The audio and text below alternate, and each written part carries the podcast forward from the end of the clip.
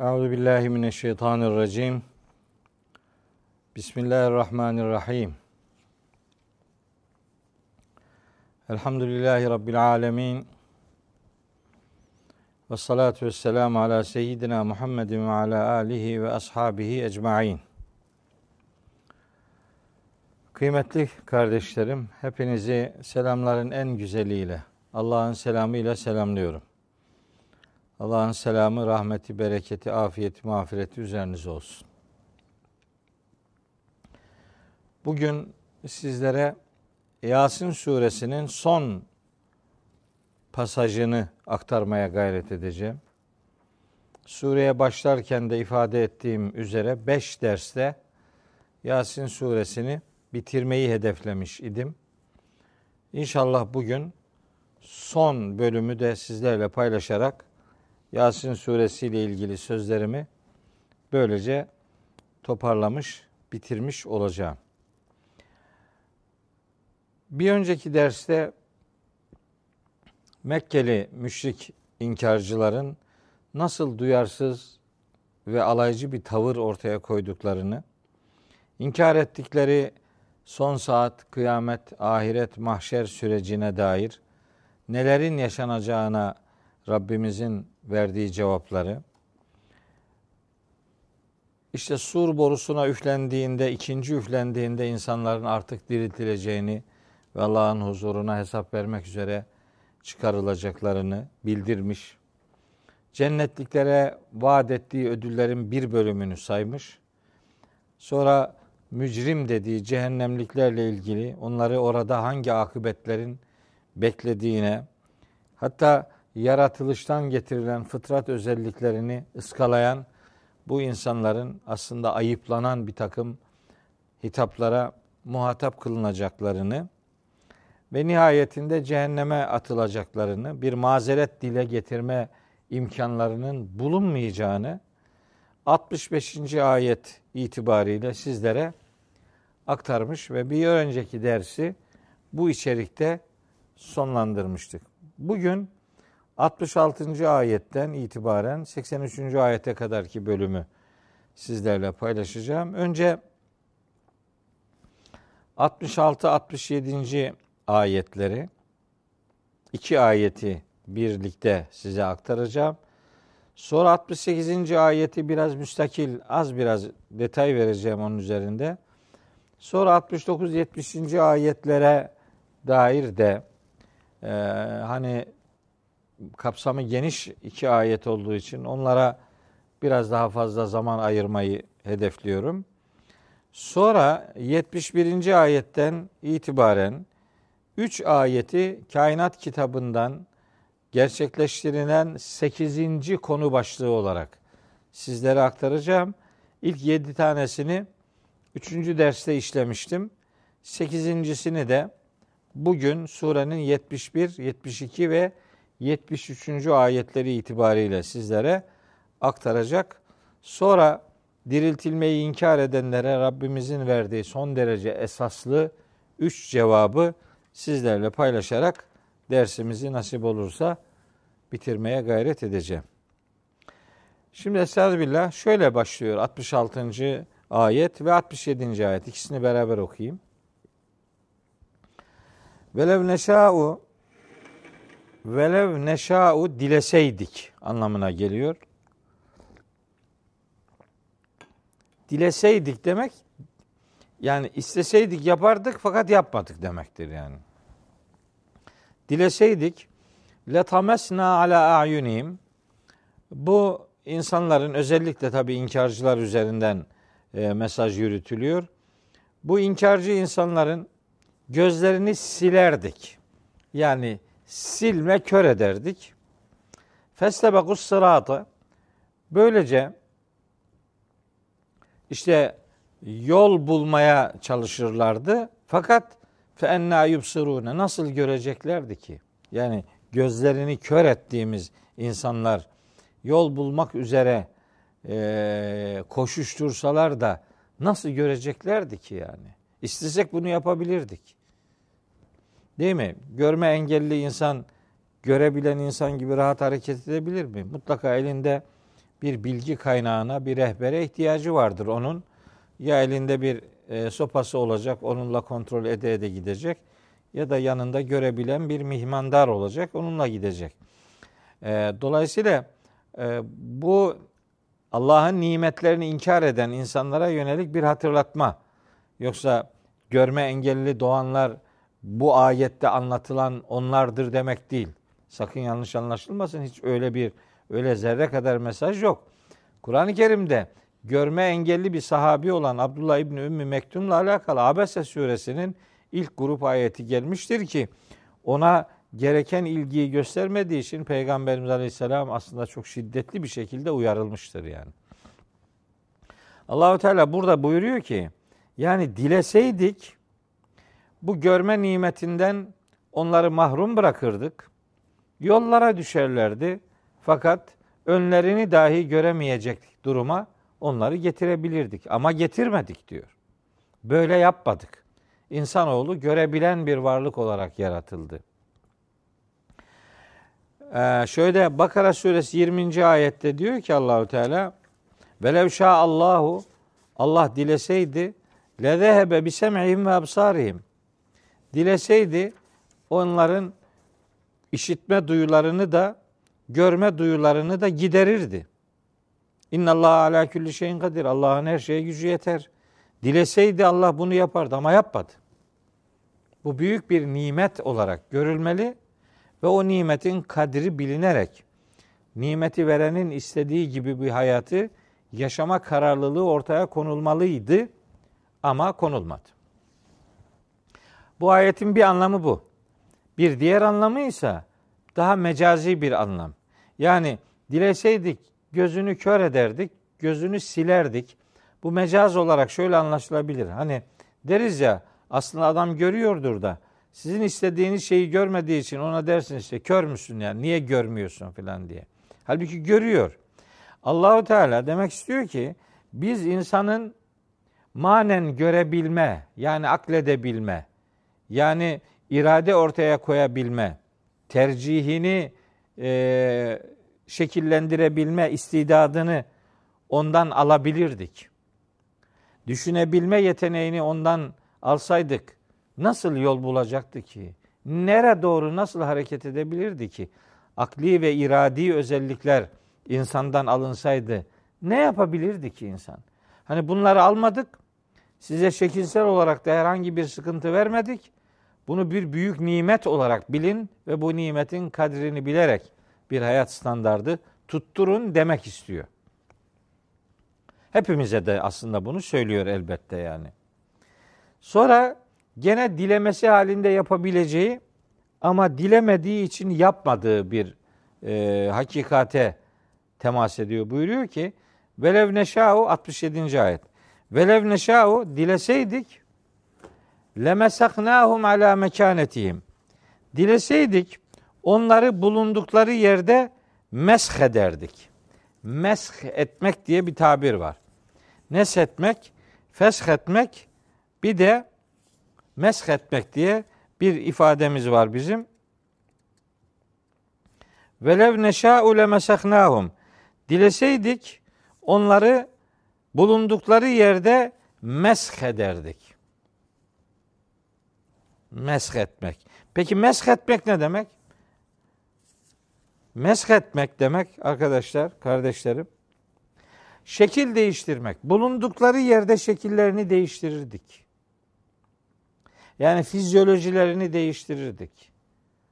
Yani onları öyle bir hale dönüştürürdük öyle bir şekil değişikliği, öyle onları yere çakardık, bulundukları yere çakardık.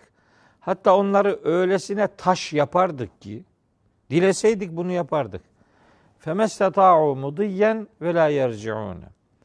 Bu adamlar ne ileri gitmeye güç yetirebilirlerdi ne de geri dönebilirlerdi. Ha diyor ki işte Allahu Teala isteseydik bunu da yapardık. Fakat yapmadık. Bunlar bir nimet.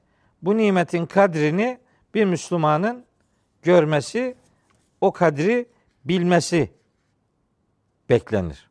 Velev neşâ'u lemesahnahum. Mesh ederdik onları. Şekillerini değiştirirdik, suretlerini değiştirirdik. Fizyoloji, fizyolojilerini değiştirirdik. Bulundukları yerdeki konumlarını öyle bir hale getirirdik ki ne ileri gitmeye güçleri yetirebilir ne de geri dönebilirlerdi. Yapmadık bunu diyor. Bu iyiliklerimizi bu aslında burada şöyle dolaylı bir gönderme de var öyle zannediyorum. Aslında bulundukları yere çakılı kalıp kendi iradesiyle sağa sola hareket edemeyen varlıklar var mı? Var. Putlar işte, taşlar, cansız varlıklar. Hani putlara itibar ediyorsunuz. Demek istiyor ki Allahu Teala bunlar ne ileri gidebilir ne geri gelebilir. Yani bunun neyine itibar edip de neyine özenip de ondan bir şey bekliyorsunuz.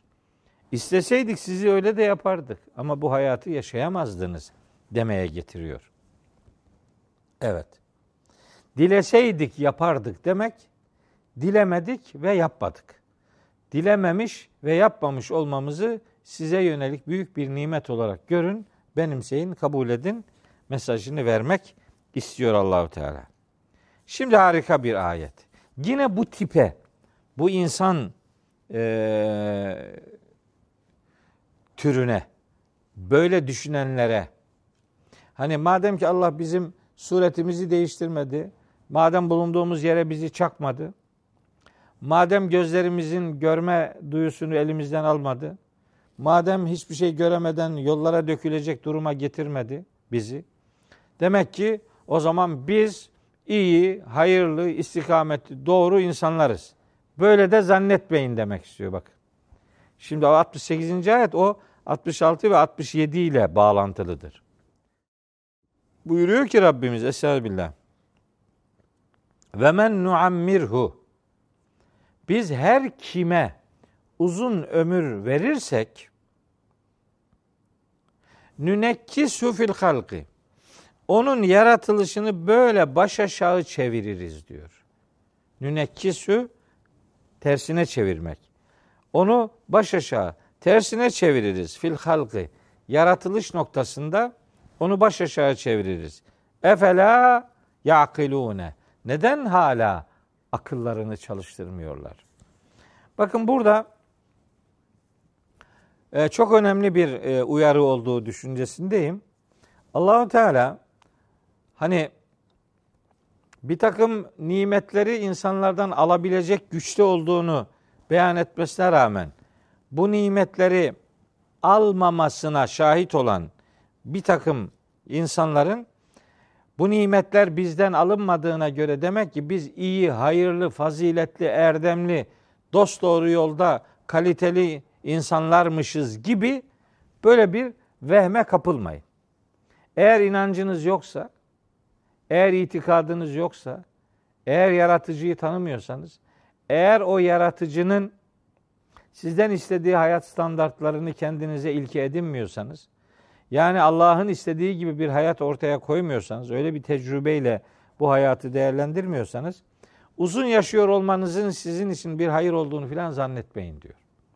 Çünkü inanmadığınız bir aleme doğru hayatınızdaki yaratılışınız tersine dönecek. Ne olacak? İşte bebekken çoğu çocuğa, çocukken gençliğe, gençken yetişkinliğe, yetişkinken er, erişkinliğe, orta yaşa, sonra ihtiyarlığa yavaş yavaş gidiyor. Nereye doğru gidiyor? Erzeli ömür denen çağa doğru gidiyor ki Kur'an-ı Kerim'de bu erzeli ömür ifadesi geçiyor. Biri Nahl suresi 70. ayette geçiyor.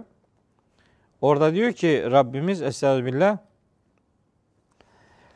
Vallahu halakaküm Allah sizi yarattı. Sümme yeteveffaküm sonra sizi vefat ettirecek. Ve minküm men yuraddu içinizden şöyleleri olacak. Men yuraddu reddedilecek yani uzatılacak. İla erzelil umuri. Ömrün en sıkıntılı zamanına. Ömrün en sıkıntılı zamanı denen zaman erzeli umurdur yani. Ömrün en sıkıntılı dönemi. Erzeli umur ona deniyor. Bu 70. ayetinde Nahl suresinin 70. ayetinde geçiyor. Bir de şeyde geçiyor. Hac suresi 5. ayette de aynı tabir orada da kullanılıyor. Ve minküm men yuraddu ila erzel umur. Ömrün en sıkıntılı dönemine reddedilen yani terk edilenleriniz de var. likey la ya'leme min ba'de ilmin şey'a. O ömrün en sıkıntılı zamanına gelenler artık pek çok şeyi bildikten sonra bir şey bilmez hale gelirler. Bakın yaratılış tersine dönüyor yani. Yani bebekken kimse insan nasıl bir şey bilmiyorsa çok ileri yaşlara gelen bazı insanlar da böyle hiçbir şey bilmez hale geliyor yani. Şimdi burada bir yanlış anlama ya kapı aralamamak lazım. Yani biyolojik varlığımız itibariyle hayatımızda böyle evreler var. Mesela bakın Rum suresinde Allahu Teala buyuruyor ki 54. ayet Rum suresi 54. Allahu lezî halakakum min da'fin. Allah sizi zayıf bir halde yarattı. Siz zayıftınız yani. Ve hulikal insanu daifa diyor zaten Nisa suresinde de. insanoğlu zayıf yaratılmıştır. Yani zayıf varlıktır. Öyle her haliyle e, kamil, ekmel, mükemmel bir durumu yok. Ve hulikal insanu daifa. Nisa suresi 28. ayet. Ona işareten diyor ki sizi zaaf, zayıf bir şekilde yarattık.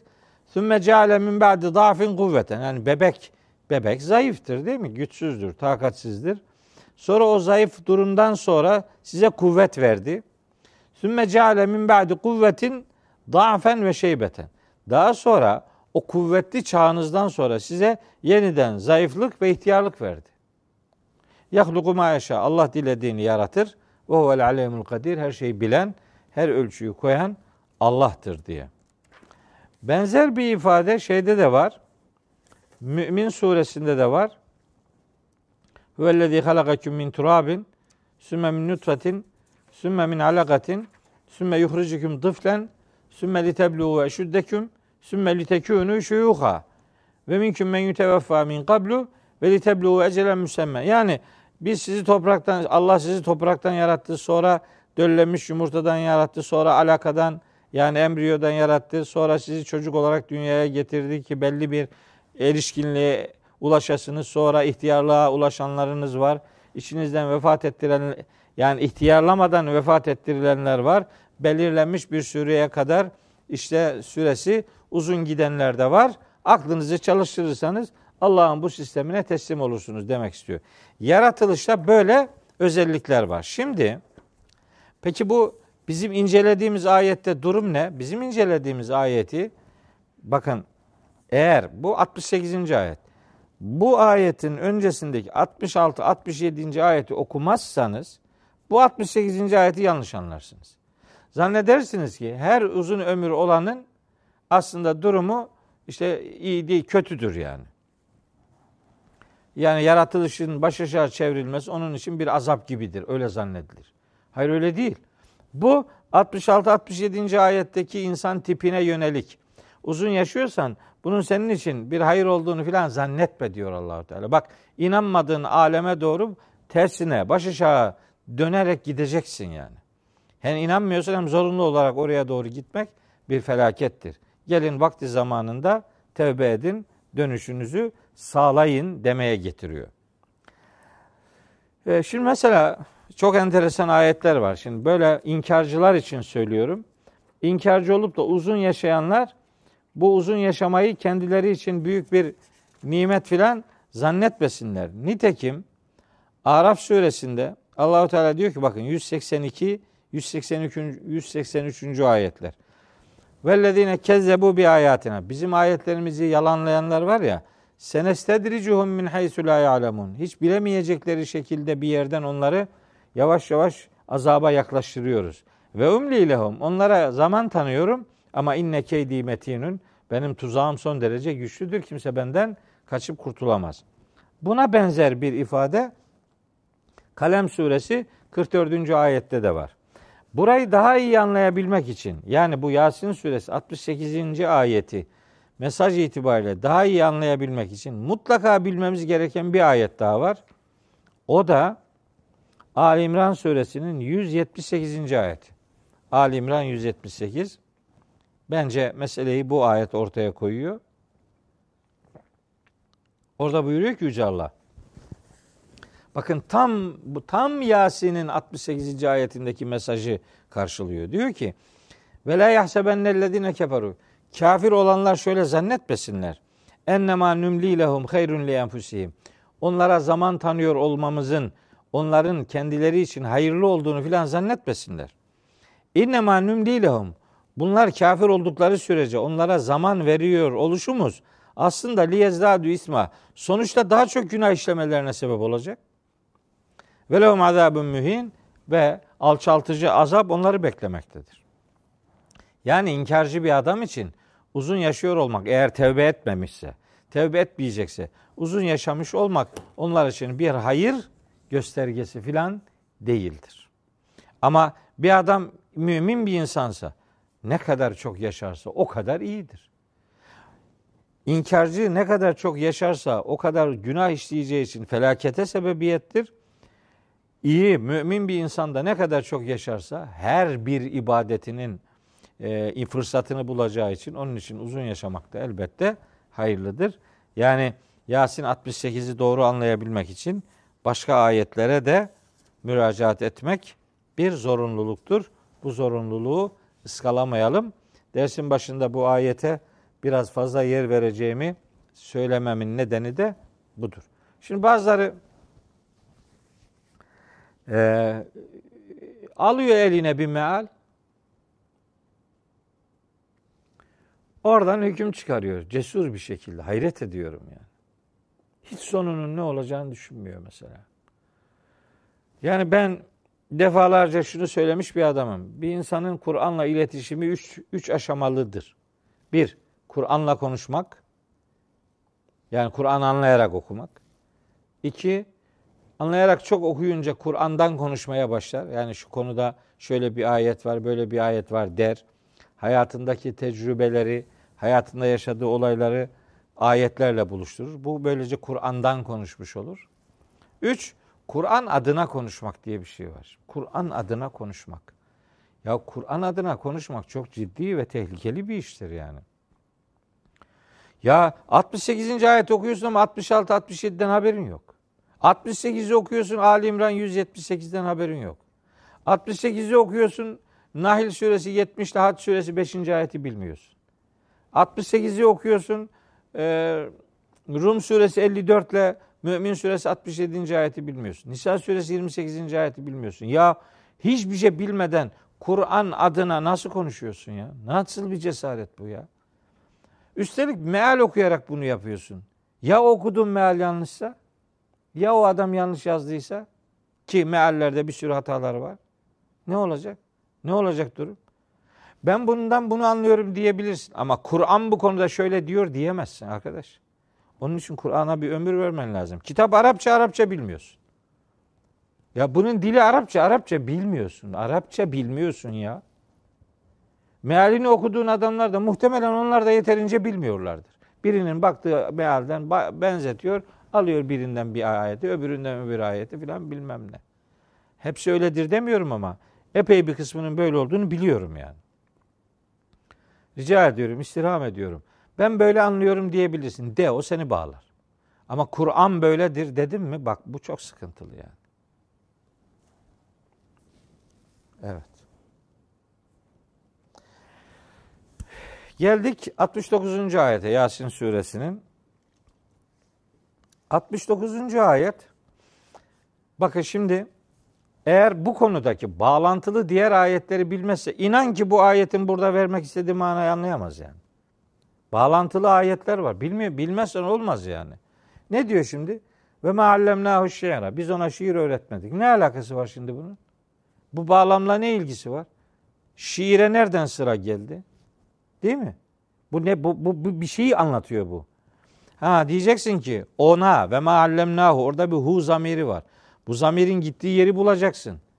Bunu Arapça bilmeden olmaz bu işte yani. Bunun gittiği yer İnneke leminel murselin. Ta surenin başındaki üçüncü ayettir. Çünkü peygamberimizin peygamberliğini tartışanlara diyor ki Allahu Teala cevap veriyor. Niye şiir diyor? İşte bakın nasıl diyeyim ya ben bazen yüreğim burkuluyor gerçekten. Eğer kitabın tamamını bilse bir adam şunu bilecek. Diyecek ki ha bu Mekkeli müşrikler peygamberimize bazı suçlamalarda bulunuyorlar. Bir defa bunu bilecek. Çünkü bu ayet peygamberimize hem peygamberimize yönelik bir suçlamayı cevaplıyor hem de Kur'an'a yönelik bir e, suçlamayı cevaplıyor. İki, iki, iki taraflı bu. Peki peygamberimize yönelik suçlamalar nedir? Bakın bunu 10 tane başlık bunlar. Bunların 10'unu da bilmek lazım. Peygamberimize bakın Mecnun demişler. Bir sürü ayet var. Peygamberimize e, şair demişler. Peygamberimize sahir yani büyücü demişler. Peygamberimize meshur demişler. Yani büyülenmiş adam. Peygamberimize kahin demişler. Peygamberimize muallem yani birileri tarafından öğretiliyor, gaza getiriliyor anlamında. İşte Duhan suresi 14. ayette geçiyor. Demişler. Peygamberimize müfteri demişler. Müfteri, iftira, Allah'a iftira eden adam demişler. Peygamberimize kezzap demişler. Peygamberimize sapık demişler. Sapık. Dal. İnsanları atalarının yolunda saptıran adam demişler. Furkan suresinde ve Mütaffifun suresinde geçiyor. Bir de Sebe suresinde 10. olarak da insanları ataların yolundan engelleyen adam demişler. Bakın 10 tane suçlama var. Hepsi Kur'an'ın değişik yerlerinde. Bu suçlamalardan bir tanesine burada cevap veriyor. Peygamberimize şair diyorlar. Allahu Teala diyor ki biz ona şiir öğretmedik ve ma yenbeğiyle. Zaten ona gerekmez de. Bakın ne oldu? Bir sürü ayetle ilişkisi var bunun. Doğru anlamak istiyorsan. Anlamak istemiyorsan tamam. İki, ayetin ikinci tarafı in o o yani o dediği bu defa şimdi in huve'deki huve nereye gidiyor onu bulman lazım. Yani Arapça lazım demek istedi. O huyun huvenin nereye gittiğini bulmak için gene surenin başına geleceksin. İkinci ayete. Vel Kur'anil Hakim. Oraya gidiyor işte bu. Bu Arapça bilmeden olmaz. Onun için söylüyorum yani. İn huve o o var ya işte Kur'an illa ancak şudur. Zikrun gerçeği hatırlatan bir metindir ve Kur'an'ın mübin ve apaçık bir okuma metnidir. Gerçeği hatırlatan şeydir ve apaçık bir Kur'an'dır. Yani apaçık bir mesajdır. Anlaşılarak okunan bir metindir. Peki bu neyi cevaplıyor? Şimdi bu, bu da bir cevap. Bunun cevabının e, konumu suçlamaları bildiğin zaman ancak anlaşılır. Bakın Kur'an-ı Kerim'de Kur'an'ın Hazreti Peygamber'in uydurması olduğunu söylüyorlar.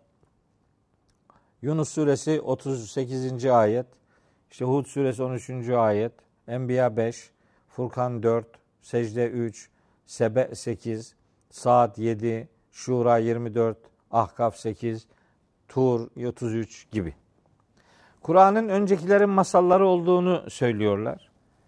En'am, Enfal, Nahil, Furkan, Kalem surelerinde geçiyor bu suçlama.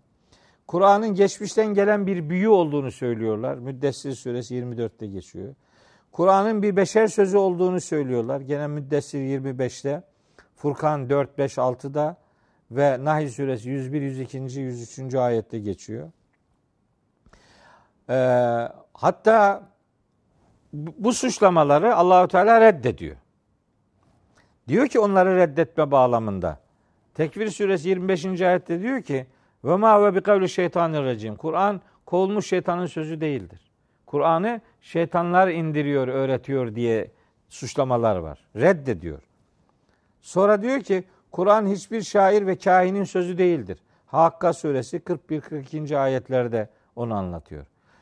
Ayrıca Kur'an'ı şeytanların indirmediğini söylüyor. Şu Ara suresi 211 10 11 12. ayetlerde. Kur'an'ın hiçbir şekilde şaka ve lakırdı olmadığını söylüyor. Tarık suresi 14. ayette. Bakın Kur'an'ın ne olmadığını söylüyor. Suçlamaları söylüyor pek çok ayette. Bu suçlamalara karşı Kur'an'ın ne olmadığını söylüyor 4-5 ayette. Bu ayette de Kur'an'ın aslında ne olduğunu söylüyor. Neymiş? Kur'an zikirdir, gerçeği hatırlatan bir metindir ve apaçık okunan bir mesajdır. Evet. Hatta in huve illa in ile illa edatlara bir cümlede kullanıldığında bu konudaki karşı çıkışların hepsinin yersiz olduğuna dikkat çekiliyor demektir. Evet. Şimdi geliyorum bir sonraki ayete 70. ayet. Peki bu peygamberimizin görevi hem yani önceki ayet itibariyle hem bu liyunzire fiili hem peygamberimize hem vahye gidebilir. Peygamberimizin misyonu, vahyin misyonu şudur. Liyunzire uyarsın diye. Kimi? Menkâne hayyen hayatta olanları uyarsın. Ya bakın. Ölülere okuyoruz ya işte bunu. Oku dur işte oku gitsin. Hatim yap. Gönder bir daha gönder bir tane daha gönder. Eskiden yapılanları da şimdi yeniden ciro et bir daha gönder.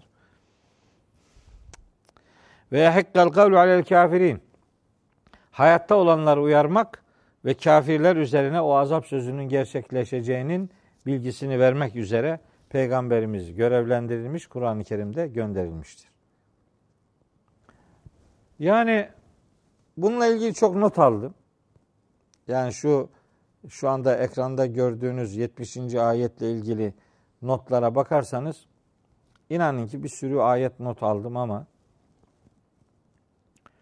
benim hayatım bunu anlatmakla geçti. Yani Kur'an diri kitabıdır, diriltme kitabıdır, canlandırıcı kitaptır. Canlandırır. Çünkü bir adı da ruhtur Kur'an'ın. Bir adı da ruh olan, hayata anlamını veren asıl değer anlamında ruh olan e, ismiyle anılan Kur'an-ı Kerim'in ölü kitabı haline getirilmesi inanın sadece yürek yaralayıcı e, bir bakış açısıdır. Sadece yüreğim yaralanıyor. Başka da bir başka diyecek bir şey bulamıyorum yani. Diyor ki Haşr suresi 21. ayette biz bu Kur'an'ı dağın üzerine indirseydik saygısından dolayı daha par paramparça olurdu. Dağa indirilseydi dağı parçalayan vahiy bize indirildi kılımızı kıpırdatmıyoruz. Niye? Anlamıyoruz ki çünkü. Anlamadan okuyoruz. Anlamadan okumayı yeterli zannediyoruz filan. Yani Kur'an metnini okumayı küçümsemiyorum. Ama anlamıyorsan onu ideal manada okumuyorsun demektir. Seslendiriyorsun yani o kadar.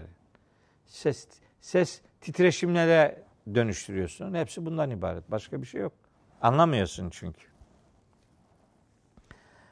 Evet, e, Şura 52'de Kur'an'a ruh denmesi onun canlandırıcılığının bir göstergesidir. Enfal 24. ayette Kur'an'ın insanları diriltecek olduğunu söylüyor.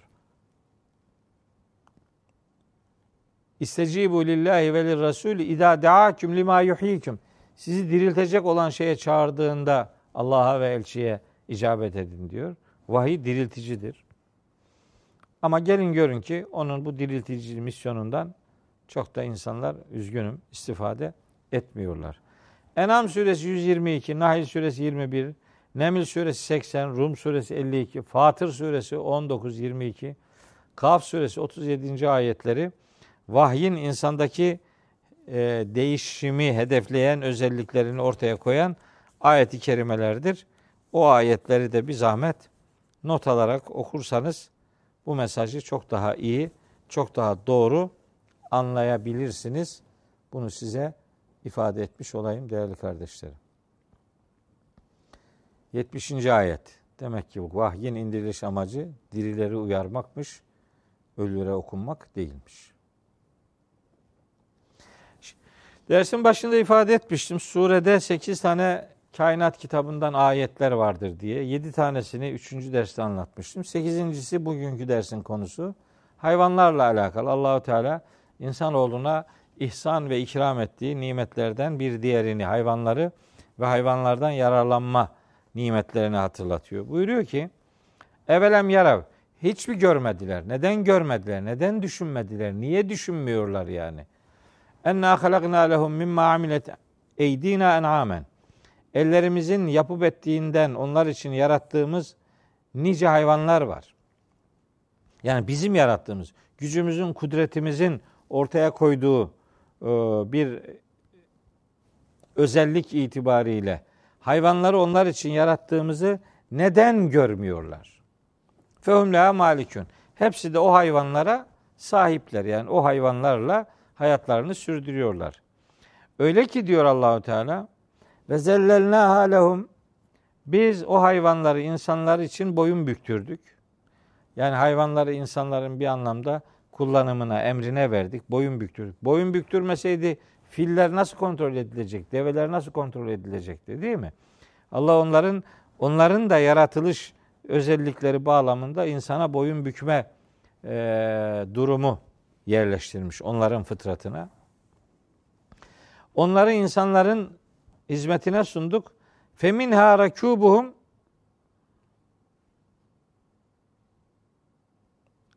O hayvanlardan binek olarak kullandıkları var. Bir kısmına bir kısmını binek olarak kullanırlar ve minhaya külün bir kısmından da yerler, gıdalanırlar.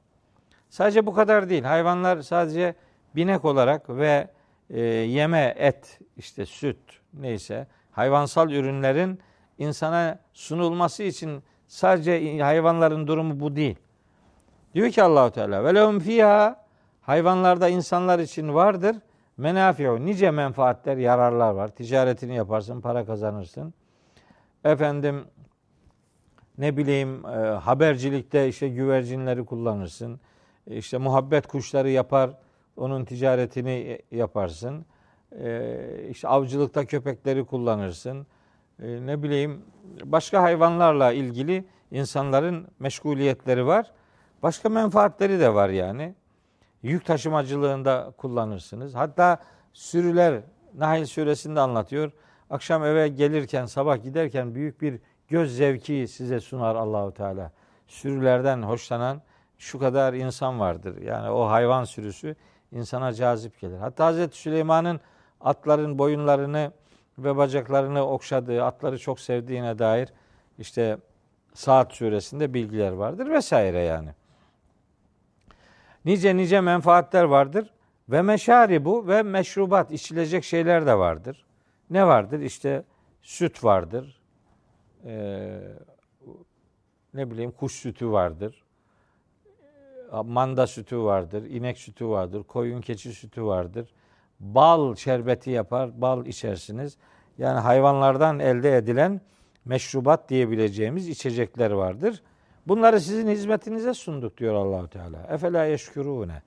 Neden bu insanlar hala daha bir şükür ehli olmuyorlar diye kınıyor ve muhatapları, duyarsız muhatapları ayıplıyor. Bu sekizinci konu başlığıydı. O dokuz, aslında dokuz tane bunlar.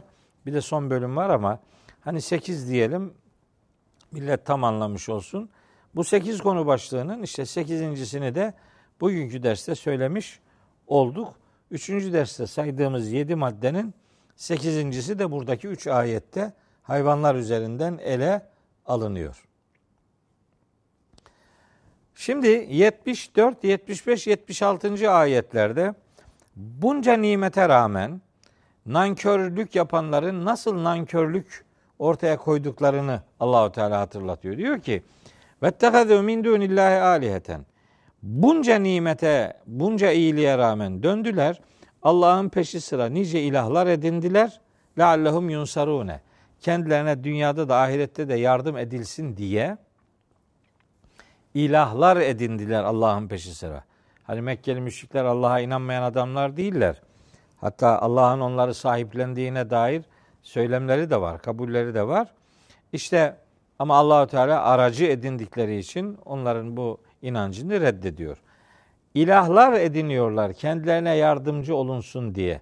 Kendilerine yardım edilsin diye Allah'ın peşi sıra nice ilahlar edindiler. Halbuki la yestati'une nasrahum o putlar insanlara yardıma güç yetiremezler. Ve hum lehum cundun muhdarun. Putlar putperestlerin, putperestler putların mahşerde hazır kılınmış askerleri olacaklardır. Yani marş marş cehenneme gideceklerdir yani. Bunların hiç kimsenin hiçbirbirine zerre kadar faydası filan dokunamaz. O halde onların bu inkarcı tutumuyla ilgili morali çok bozulan Hazreti Peygamber'e moral verici bir ifadeyle 76. ayette buyuruyor ki Yüce Allah Fela yahzunke kavluhum Onların sözleri seni hüzünlendirmesin. Çünkü bakın şeyde e, Kehf suresinin 6. ayetinde e, Allahu Teala Hazreti Peygamber'e diyor ki bu söze, bu Kur'an'a inanmıyorlar diye onların arkasından neredeyse kendini perişan edeceksin. Keyif suresi 6. ayet. Mesela şu Ara suresinin 3. ayetinde diyor ki lealleke bahi'un nefseke ella yekunu müminin. İnanmıyorlar diye neredeyse kendini perişan edeceksin diyor. Fatır suresi 8. ayette de bir uyarı var. Fela tezeb nefsüke aleyhim haseratin. Onların bu inkarcı tutumlarıyla ilgili nefsin, canın hasretler çekmesin. Yani herkes kendi akıbetini kendisi hazırlar, kendi akıbetine kendisi razı olur. Hüzünlenme. Onların sözleri seni hüzünlendirmesin. İnna na'lemu ma yusirrune ve ma yu'linun. Onların gizlediklerini de ilan ettiklerini de biz gayet iyi biliriz diyor. Gizledikleri ve ilan ettikleri. Ne demek biliyor musunuz? Önce gizlediklerini diyor, sonra açıktan ilan ettiklerini söylüyor. Niye böyle söylüyor? Bunların sadece peygamberimizle ilgili düşünceleri ilan ettiklerinden ibaret değil. Onların bir de gizledikleri var. Hatta gizledikleri daha çok olduğu için Allahu Teala diyor ki senin bildiğin bir şey değil. Sen daha neyini biliyorsun ki? Onların ilan ettiklerinden bildiklerin gizledikleri noktasında çok derece az kalır yani. Daha fazlasını gizliyorlar ama biz onların gizlediklerini de ilan ettiklerini de gayet iyi biliyoruz. allah Teala ilan ettiklerini de gizlediklerini de biliyoruz diyorsa bu bir tehdit ifadesidir. Yani bu bilgi aslında bir e, sorgulamanın mahşerdeki bir e, yargılamanın ve o yargılamadaki e, enstantanelerin bir parçasını oluşturur. Bu dolaylı bir tehdit ifadesidir. Hani ben senin neler yaptığını gayet iyi biliyorum demek bunun hesabını sana soracağım demektir. Buradaki de onların gizlediklerini ve ilan ettiklerini biz biliyoruz demek bunların hesabını hem ilan ettiklerini hem gizlediklerinin hesabını onlara soracağız demektir. Bu ayet-i kerime peygamberimize özellikle bir moral kazandırmaktadır diyebilirim. Ve Yasin suresinin son ayetleri bu ilk iki ayeti biraz hızlı geçeceğim. 77-78'i biraz hızlı geçeceğim. Ondan sonraki üç ayet üzerinde biraz fazla e, durmak istiyorum. Çünkü Aa, Yasin'de böyle şeyler de mi varmış diyeceğiniz bir pasaj geliyor şimdi sonunda. Oraya vakit ayırma adına 77-78'i böyle kısaca geçip e, diğerlerini incelemek istiyorum. Ayette buyuruyor ki Rabbimiz evelem yaral insanu bu nankör insan, bu inkarcı insan şunu görmüyor mu? Hiç mi görmüyor? Hiç mi düşünmüyor yani? Hiç mi düşünmedi bunu? Enna halaknahu min nutfetin. Ya biz onu bir nutfeden yani döllenmiş bir yumurtadan yarattık. Hatta Mürselat suresinde mai mehin diyor yani. Böyle değersiz bir sıvıdan yarattık yani. Bilmiyor mu bu adam nereden yaratıldığını? Bizim onu bir nutfeden, bir döllenmiş yumurtadan yarattığımızı bilmiyor mu ki fe idahu ve kalkıyor bu adam hasimun mübin ap açık bir tartışmacı kesiliyor. Böyle tartışıyor, mücadele ediyor, düşmanlık ediyor filan. Nedir yani senin cürmün nedir? Ne, nereden yaratıldın? Senin nasıl bir özelliğin var da yaratıldığın orijini düşünmeden, yaratıldığın o aşamaları bilmeden, bakmadan, onlara dikkat etmeden kalkıp da Allah'ın buyruklarıyla ilgili nasıl tartışmacı kesilirsin? Apaçık bir düşmanlık ve e, hasım ortaya hasımlık ortaya koyarsın. İşte mesela bu ayetin indirilişiyle ilgili Übey bin Halef el-Cumahi, başka bazı rivayetlerde Nadir bin Haris, başka bazı rivayetlerde Velid bin Muhir olduğu söyleniyor. Şahsın kim olduğu önemli değil. Kur'an'da isim verilmediğine göre şahsın kimliği üzerinde durmaya lüzum yok. Böyle düşünen herkes bu ayetin mesaj dünyasında, tehdit dünyasında vardır. Nasıl olur da insanoğlu yaratılış e, orijinini yani o döllenmiş yumurta aşamasını bilmez de kalkıp Allah'ın buyruklarıyla, peygamberle, vahiy ile nasıl tartışır? Nasıl böyle bir tartışmacılık yapar? Vadara belena meselen bir de bu yetmiyormuş gibi kalkıp bir de misal veriyor. Ve nesiye halkahu kendi yaratılışını unutarak kendi yaratılış orijinini unutarak kalkıp bir de bize misal veriyor. Darbı meselde bulunuyor. Darabelena meselen bize bir de misal vermiş oluyor.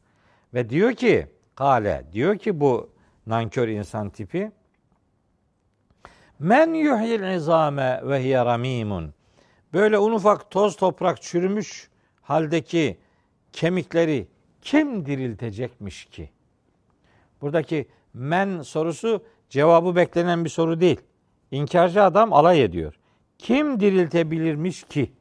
Zaten tercümenin sonuna da böyle ünlem işareti koydum.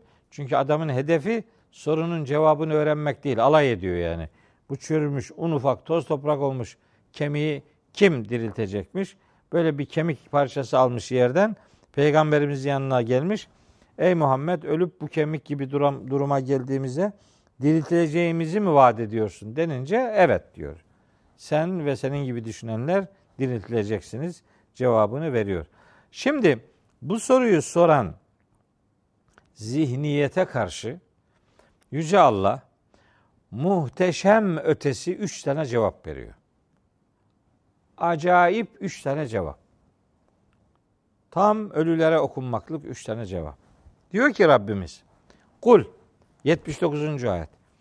Kul, bu soruyu sorana cevaben şunu söyle. De ki ona, yuhyiha, o kemiği diriltecek olan şudur. Kim diriltebilirmiş ki demişti ya, onu diriltecek olan şu zattır. Kimdir? Ellezi öyle bir zattır ki bu, öyle bir kuvvet ve kudretin sahibidir ki, enşe'eha evvele merretin. O kemiği ilk defa kim yarattıysa, yoktan var ettiyse, kemiği yoktan var eden kim idiyse, onu diriltecek olan da otur. Ha, bu Mekkeli müşrikler aslında yaratıcı kudret olarak, yoktan var edici kudret olarak Allah'ı kabul ediyorlardı. Yeniden diriltilmeye dair işte inkarları vardı bu adamların. Allahu Teala onların inandığı şeyi kullanıyor. Diyor ki yoktan var edici Allah olduğuna inanıyordunuz. İşte ha o yoktan kemiği yoktan kim var ettiyse onu diriltecek olan odur. Kardeşim yoktan yaratmak zordur. Vardan dönüştürmek ona göre zor değildir. Yani değil mi? Yoktan var etmek en zor olandır. Olanı dönüştürüp başka şekillere dönüştürmek veya onu asıl şekline bir daha iade etmek filan. Bunlar olan üzerindeki tasarruflardır. Bunlar yoktan var etmeye göre daha kolay işlerdir yani. Onu hatırlatıyor. Mantık cevabı veriyor. Yani diyor ki yoktan var edenin Allah olduğuna inanıyorsun. Zor olanı Allah'ın yaptığına inanıyorsun. E bu daha kolay. Kemik zaten yaratılmış bir defa. Onun bir zerresinden yeniden kemik yaratır Allahu Teala. Bunu kabul ediyorsun, bunu neden kabul etmiyorsun diye bir zihin sorgulaması yapıyor. Madem ki ilk yaratmayı kabul ediyorsunuz, ikinciyi de kabul etmelisiniz. Çünkü ikincisi ilkine göre çok daha kolaydır. Evet. Ayetin sonunda diyor ki 79. ayet okuyorum. Ve ve bikülli halkin alimun. O Allah yani o yoktan var eden Allah, diriltecek olan Allah her bir halkı bilendir. Ve bikülli halkin her bir halk. Buradaki halk kelimesine mahluk, yaratılmışlar anlamı veriyorlar. Ee, yani bu da doğru olabilir ama ben maksadın yaratılmış yani mahluk anlamında olduğu düşüncesinde değil. Ve ve bikülli halkin alimun. Ve ve bikülli halkin Allah her bir yaratmayı alimun bilendir. Ha demek ki şimdi yaratma türlerine dair bilgi verecek. Her bir yaratmayı bilendir. Bir yaratmayı söyledi. Neydi? Yoktan var etmek. Yoktan var etmeyi inşa kelimesiyle karşıladı. Sonra onu diriltmeyi ihya kelimesiyle karşıladı. Yani yoktan var etmek, vardan var etmek. İki yaratmayı söyledi zaten ayette. Şimdi anlaşılıyor ki başka bir yaratmadan daha söz edecek. İşte 80. ayet o. Kim diriltecekmiş bu kemikleri diyen inkarcı zihniyete Rabbimizin verdiği ikinci cevap. Bu muhteşem bir cevap.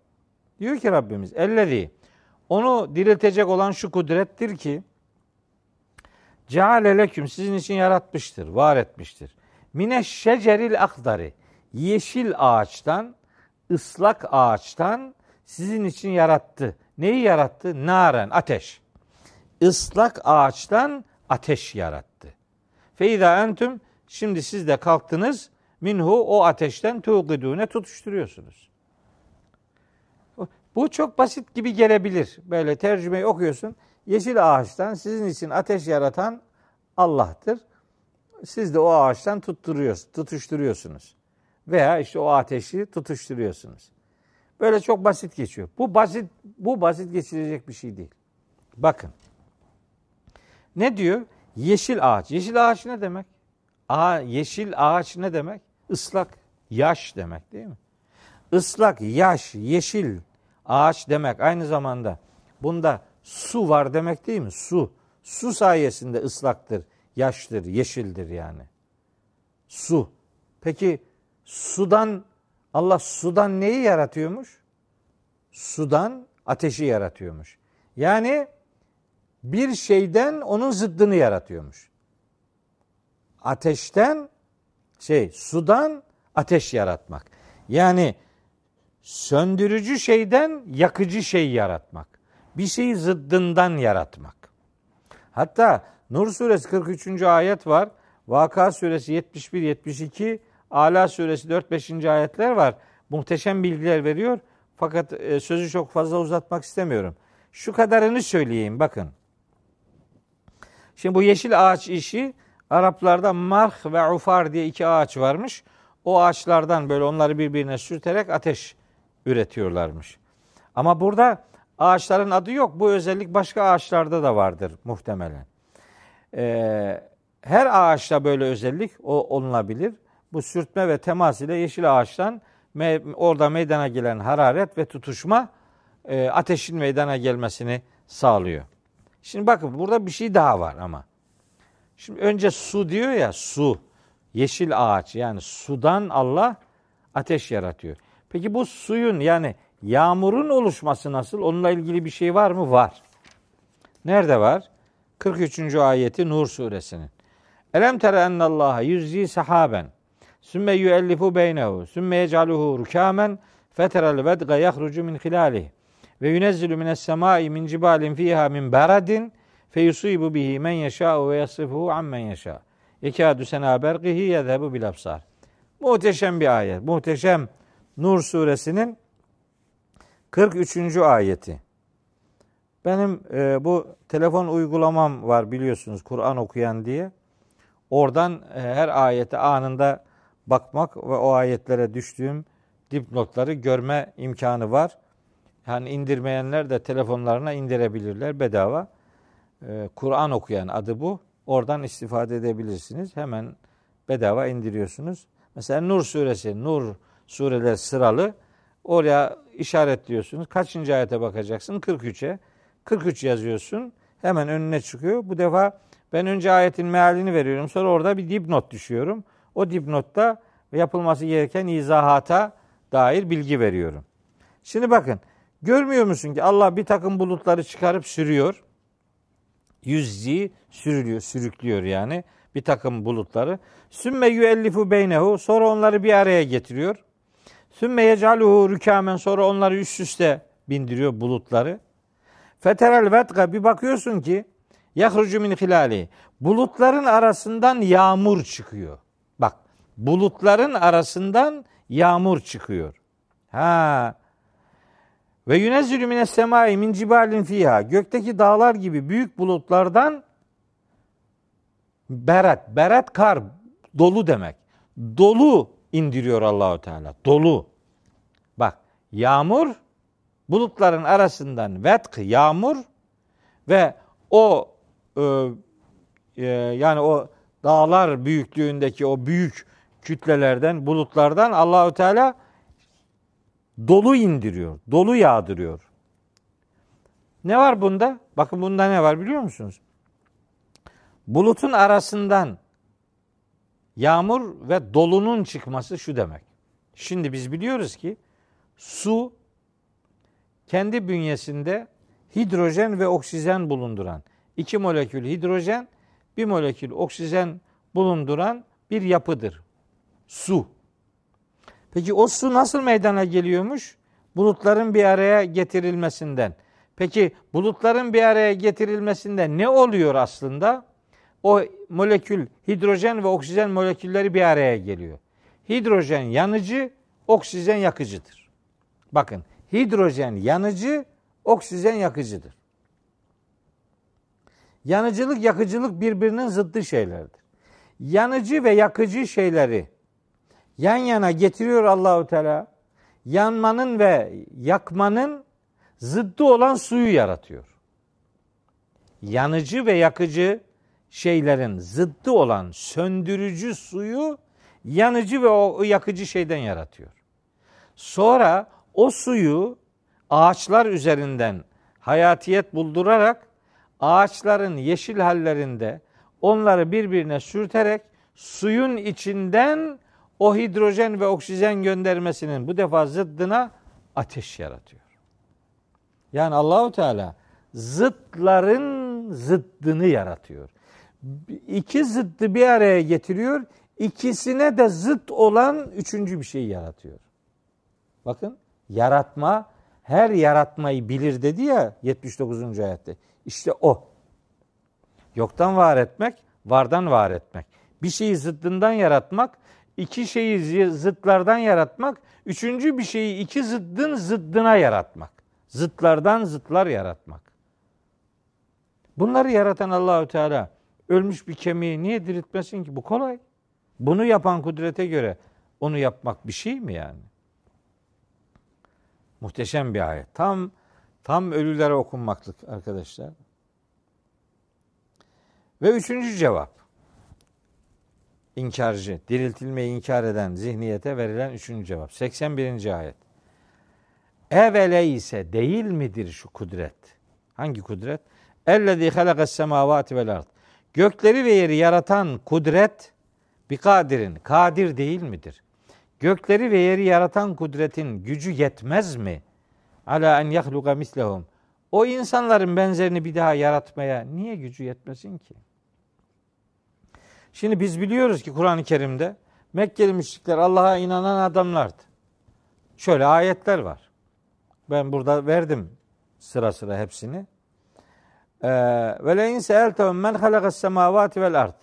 Gökleri yeri kim yarattı diye sorsan le yekulunne Allah. Allah yarattı derler.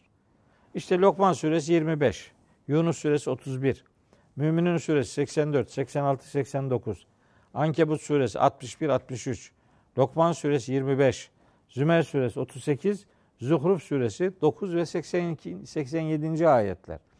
Yaratıcı kimdir diye sorgulandığında Allah'tır cevabını veren müşriklerle ilgili ayetlerdir bunlar. Şimdi diyor ki Allahu Teala gökleri ve yeri yaratan gökleri ve yeri yarattığına inandığınız Allah insanların bir benzerini yaratmaya neden kadir olmasın ki? Nihayet Mümin suresinin 57. ayetinde buyuruyor ki Yüce Allah La halkus semavati vel ardı ekberu min halqin nasi. Gökleri ve yeri yaratmak insanları yaratmaktan daha büyük bir iştir diyor Allahu Teala. E gökleri ve yeri Allah'ın yarattığına inanıyorsun da insanların buna göre çok daha küçük bir iş olan insanı yaratmaya Allah'ın gücünün yeteceğine niye itibar etmiyorsun? Böyle son derece mantık silsilesinde susturucu bir, bir cevap veriyor Allahu Teala.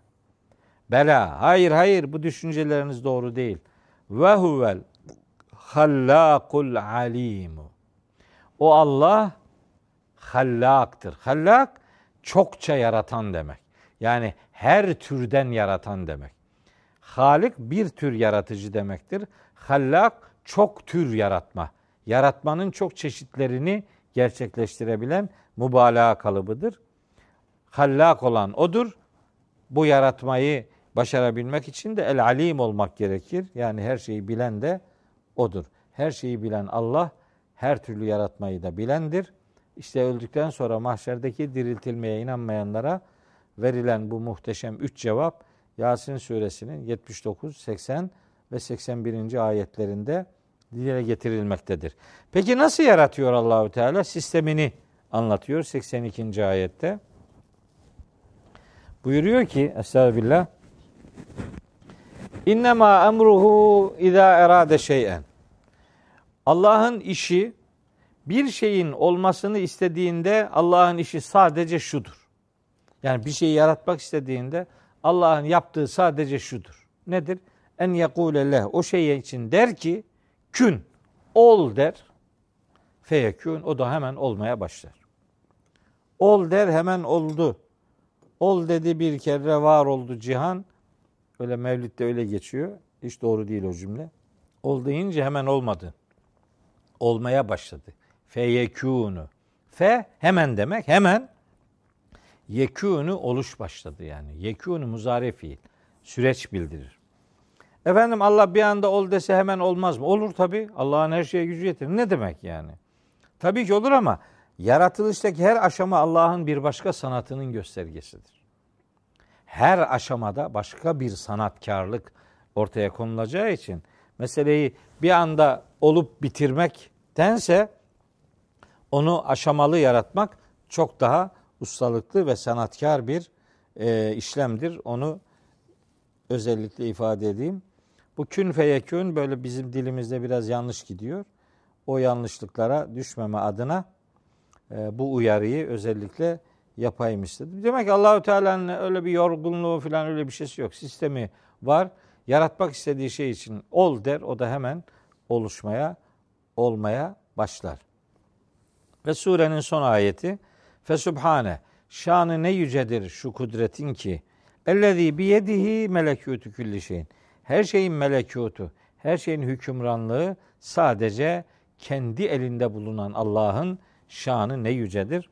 Tesbih, subhan, Allah'ı eksikliklerden uzak tutmak, onu olumsuzluklarla anmamak, kötülük ve acizlikten münezzeh tutmak, aşkın yüce insan idrakini aşan anlamlarına gelmektedir Sübhane kelimesi. E, tesbihin özel adıdır Sübhanallah diyoruz ya. O sebbih emrinin uygulamaya koyduğumuz e, düz cümle biçimidir. E, şanı ne yücedir o yüce zatın ki her şeyin melekutu, her şeyin egemenliği, her şeyin hükümranlığı sadece onun elindedir. Ve ileyhi turcaun ve her biriniz de sadece ve sadece ona döndürüleceksiniz.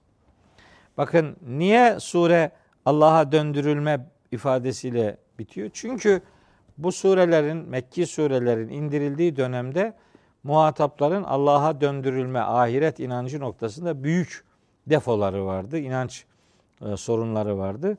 Cenab-ı Hak ikide bir sureyi ele alırken ele aldığı konuların içerisinde insanların Allah'a sunulacaklarını, Allah'a döndürüleceklerini ve o döndürülmenin bir hesaba konu olacağına ikide bir gönderme yaparak önce indirildiği dönemdeki muhatapların ahiret inancıyla alakalı eksikliklerini gidermeyi amacı ediniyor. Sonra da bu sureyi okuyan herkesin Allah'a Allah'ın huzuruna varmada büyük bir hesabın görüleceği ve yeni bir alemin hepimizi beklediği bilgisini zihinlere kazımak istiyor. Ben de bu son ayeti Yasin suresi 83. ayeti bu haliyle sizlere aktararak e, hem her şeyin hükümranlığının e, kendi elinde bulunduğuna bütün kalbimizle inandığımız Rabbimizin gücüne teslim olduğumuzu ifade ediyorum. Hem de mahşerde onun huzuruna vardırıldığımız zaman mahcup olmayan yüzlerden olma duamızı yineliyorum. Yasin özelinden Kur'an geneline yaygınlaştırarak vahyi hayata taşımada hepimizi muvaffak kılmasını Rabbimden niyaz ediyorum. Bu vahyin hayata okunması, vahyin hayata dokunması noktasında Peygamber Efendimizin yaşadığı Kur'an'ı hayata taşıma örnekliğini kendi hayatımıza da indirebilme noktasında Peygamberimizin örnekliğini hayat edinmemiz gerektiğini bu vesileyle bir kez daha sizlere hatırlatıyor. Hepinizi Allah'a emanet ediyorum. Allahu Teala hepinizin, her birinizin yar ve yardımcısı olsun diyorum. bu ders itibariyle bu sezonluk Envarul Kur'an derslerinin bu sezonki kısmını 109. dersi yaparak tamamlamış oluyoruz. İnşallah bundan sonraki süreçte 110. dersle sıradaki sureyi sizlere e, aktarmaya Allah ömür verirse bu görevi yapmaya gayret edeceğim. E, Rabbim sağlık verirse ki bundan sonraki sırada Furkan suresi var. Çok sevdiğim surelerden bir tanesidir. Ona dair coşa coşa, koşa koşa bir vahiy yolculuğu sizinle yapmaya devam edeceğim inşallah. Dua edelim Rabbimiz bize hayırlısıyla bir ömür lütfeylesin. Kur'an'ına kurban olmayı canına minnet sayanlardan eylesin diyor. Hepinizi Hakk'a emanet ediyor.